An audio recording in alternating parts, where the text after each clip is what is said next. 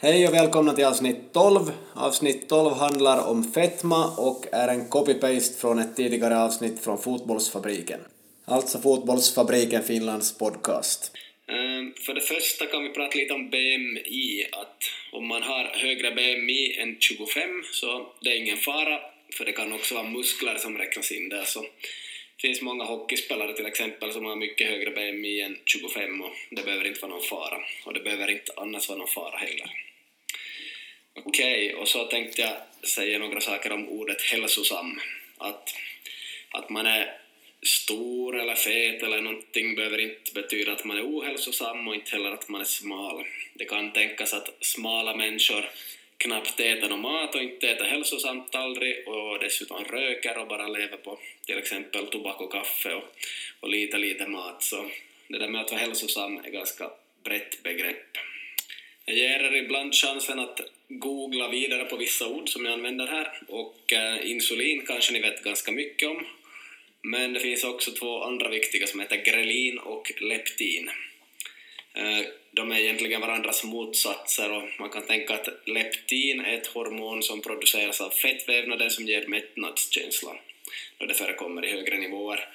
Medan grelin då är motsatsen, alltså det ökar före måltiden och, och minskar efter måltiden så det berättar då att vi är hungriga istället. Så där har ni tre bra ord att forska mer om, om de här hormonerna. Det där leptin sjunker i alla fall kraftigt om man fastar, alltså inte äter. Och det leder till att könshormonnivåerna påverkas och sjunker och fertilitet minskar. Så Ehm, det är ju inte alltid bra att fasta, alltså att inte äta.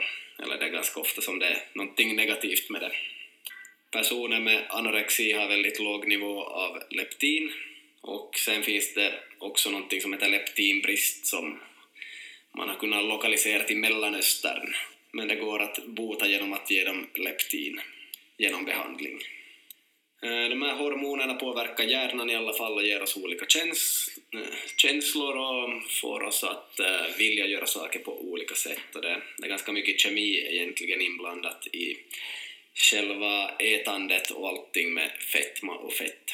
Insulin är ju ett peptidhormon som utsöndras som svar på förhöjda nivåer av glukos i blodet. Och har man diabetes så får man inte det där insulinet och det är ju ett problem och då måste man tillföra det med spruta. Problemet om man inte får insulin är att man inte liksom kan öka cellernas förmåga att ta upp näringsämnen. Så där hade ni tre ord som ni kan söka vidare på om ni vill. Sen ska vi prata lite om kroppen överlag kring det här då, kring fetma, att ähm, bantning funkar inte för kroppen har så otroligt många sätt att balansera sig. Och vi kommer snart in på det, men vi kan också tänka på blod. Om vi tappar en halv liter blod så fixar ju kroppen det automatiskt. Och det här med viktnedgång är ju inte någonting som kroppen vill göra så. Så okej, om vi äter mindre och rör på oss så tappar vi vikt kortsiktigt och vi kan tappa fett genom att ha en stark viljekraft. Vi kan bibehålla det här ett tag och det är tufft. Eh, sen måste man jobba allt hårdare för att bibehålla den där nya vikten. Nya vikten är alltså svårare att behålla än den vikt man hade tidigare och den vikt som man höll på med då man gick ner. Och därtill kan jag nämna att kroppen blir snålare i sin förbrukning då man väger mindre, så det, det är ju synd ifall man skulle vilja eh, ha hög förbrukning också då man har gått ner i vikt ifall, ja, nu pratar vi kanske om folk som vill gå ner i vikt. I det här skedet så gör kroppen en mindre mätt och hungrigare istället. Och eh, sänkt metabolism betyder mindre mättnadspåslag. Eh, forskning från bland annat New York säger som så att människor är programmerade att vara hungriga och att äta.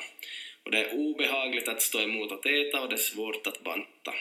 Redan som babys har vi hunger och vill äta.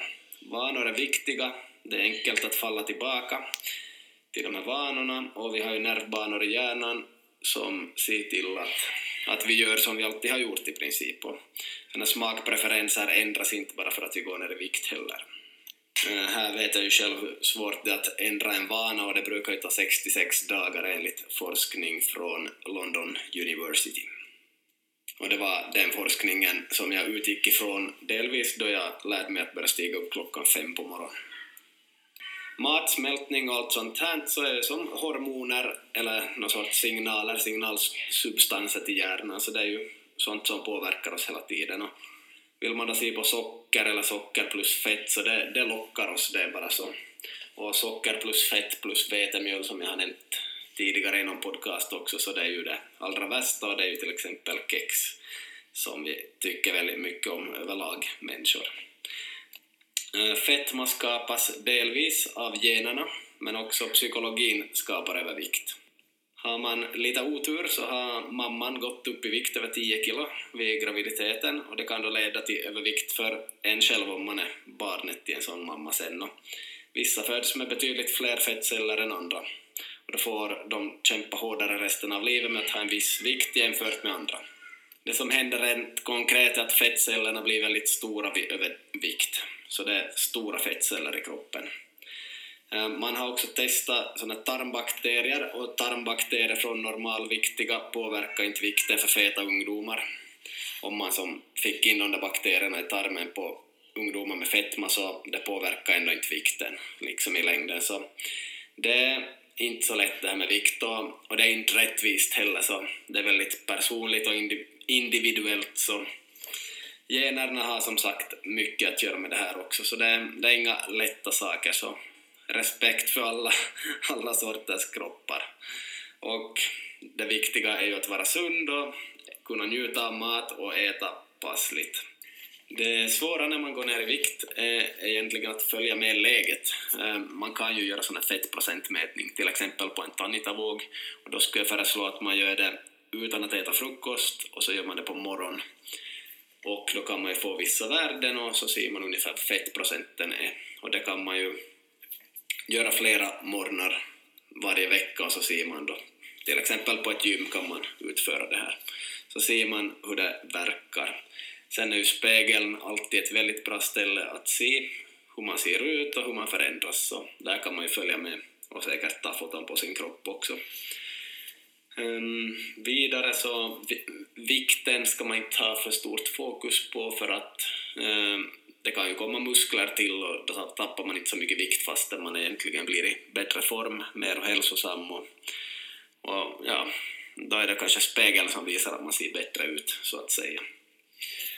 Men, men, det här är någonting som alla får tänka på i sin vardag, speciellt som vuxna blir det svårare och svårare att ha en vikt man är nöjd med och man får kanske kämpa, eller så är man bara väldigt eh, duktig på att äta passligt och inte falla för frestelser i allt för hög grad.